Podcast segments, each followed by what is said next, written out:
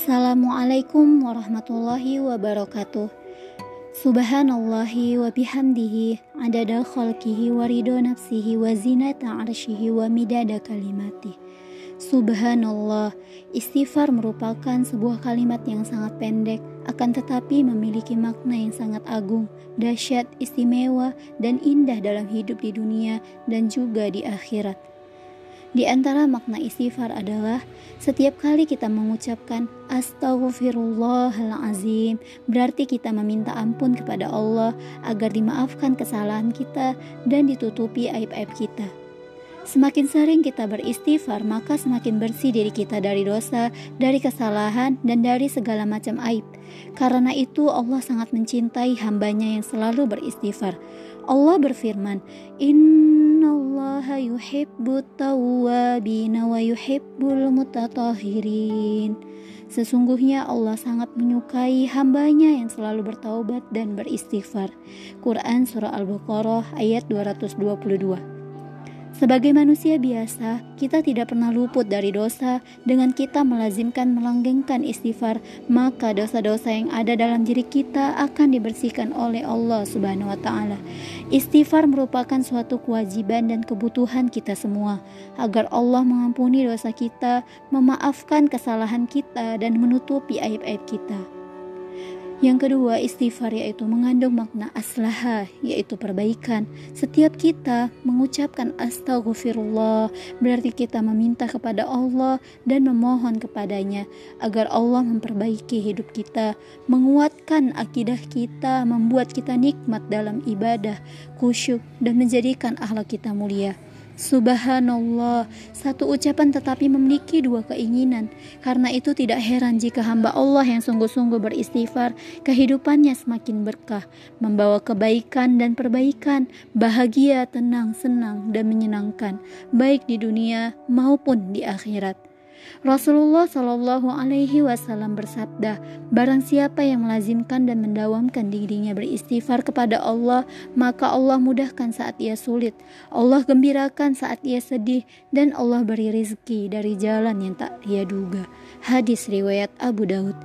Kemudian dijelaskan dalam Al-Quran, maka aku katakan kepada mereka, mohonlah ampun kepada Tuhanmu, sesungguhnya dia adalah maha pengampun.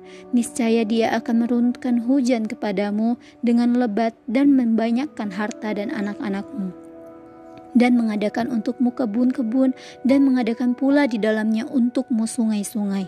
Quran Surah Nuh ayat 10 sampai 12. Allahu Akbar. Istighfar bukan saja kewajiban, tetapi juga kebutuhan kita. Karena itu, Rasulullah Shallallahu Alaihi Wasallam tidak bangun dari tempat duduk beliau kecuali beristighfar kepada Allah 70 kali.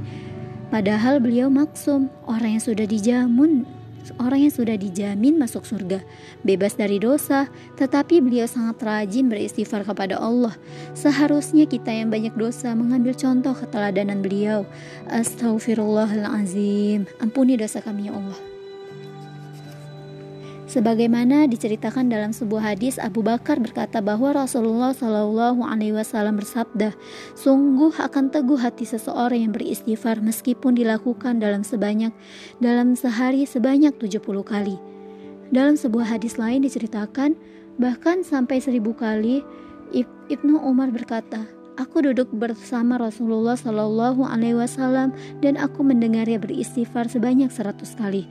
Kemudian beliau mengucapkan, Ya Allah, ampunilah aku, kasihinilah aku, dan bukakanlah pintu taubat kepadaku. Sesungguhnya engkau maha pemberi taubat dan maha penyayang, atau sesungguhnya engkau maha pemberi taubat lagi maha pengampun.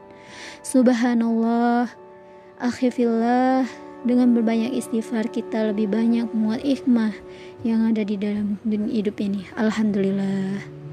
Semoga kita digolongkan hamba yang pandai beristighfar dan bertaubat. Amin.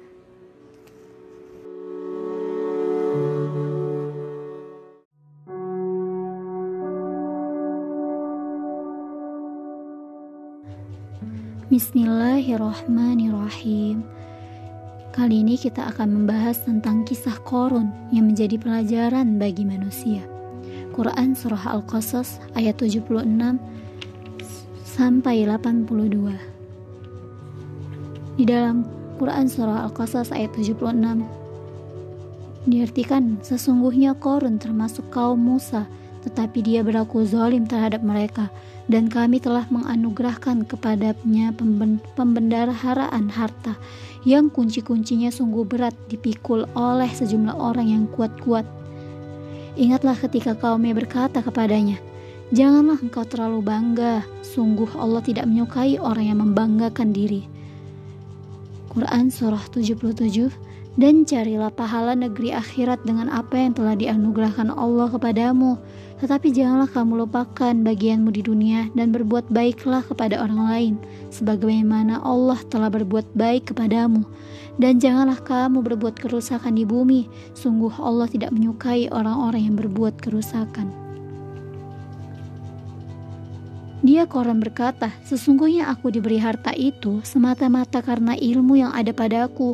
Tidakkah dia tahu bahwa Allah telah membinasakan umat-umat sebelumnya yang lebih kuat daripadanya dan lebih banyak mengumpulkan harta dan orang-orang yang berdosa itu tidak perlu ditanya tentang dosa-dosa mereka maka keluarlah dia Korun kepada kaumnya dengan kemegahannya. Orang-orang yang menginginkan kehidupan dunia berkata, Mudah-mudahan kita mempunyai harta kekayaan seperti apa yang telah diberikan kepada Korun. Sesungguhnya dia benar-benar mempunyai keberuntungan yang besar.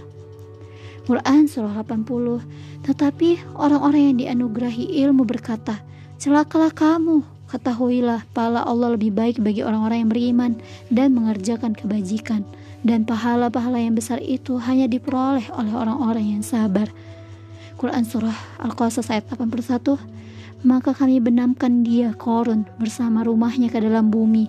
Maka tidak ada baginya satu golongan pun yang akan menolongnya selain Allah.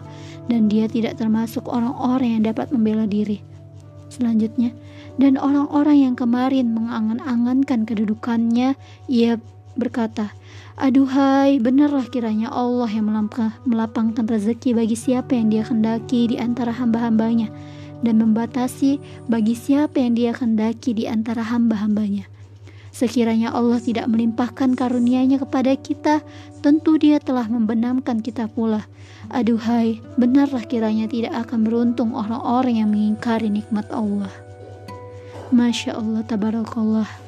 Begitu banyak hikmah yang bisa kita ambil dalam Quran Surah Al-Qasas tentang kisah Korun bahwa kita tidak dibenarkan untuk bersifat sombong. Dan merasa harta yang kita dapatkan adalah dari kita sendiri padahal itu anugerah dari Allah. Semoga kita dijauhi dari sifat seperti itu. Amin. Allahumma amin. Sadaq.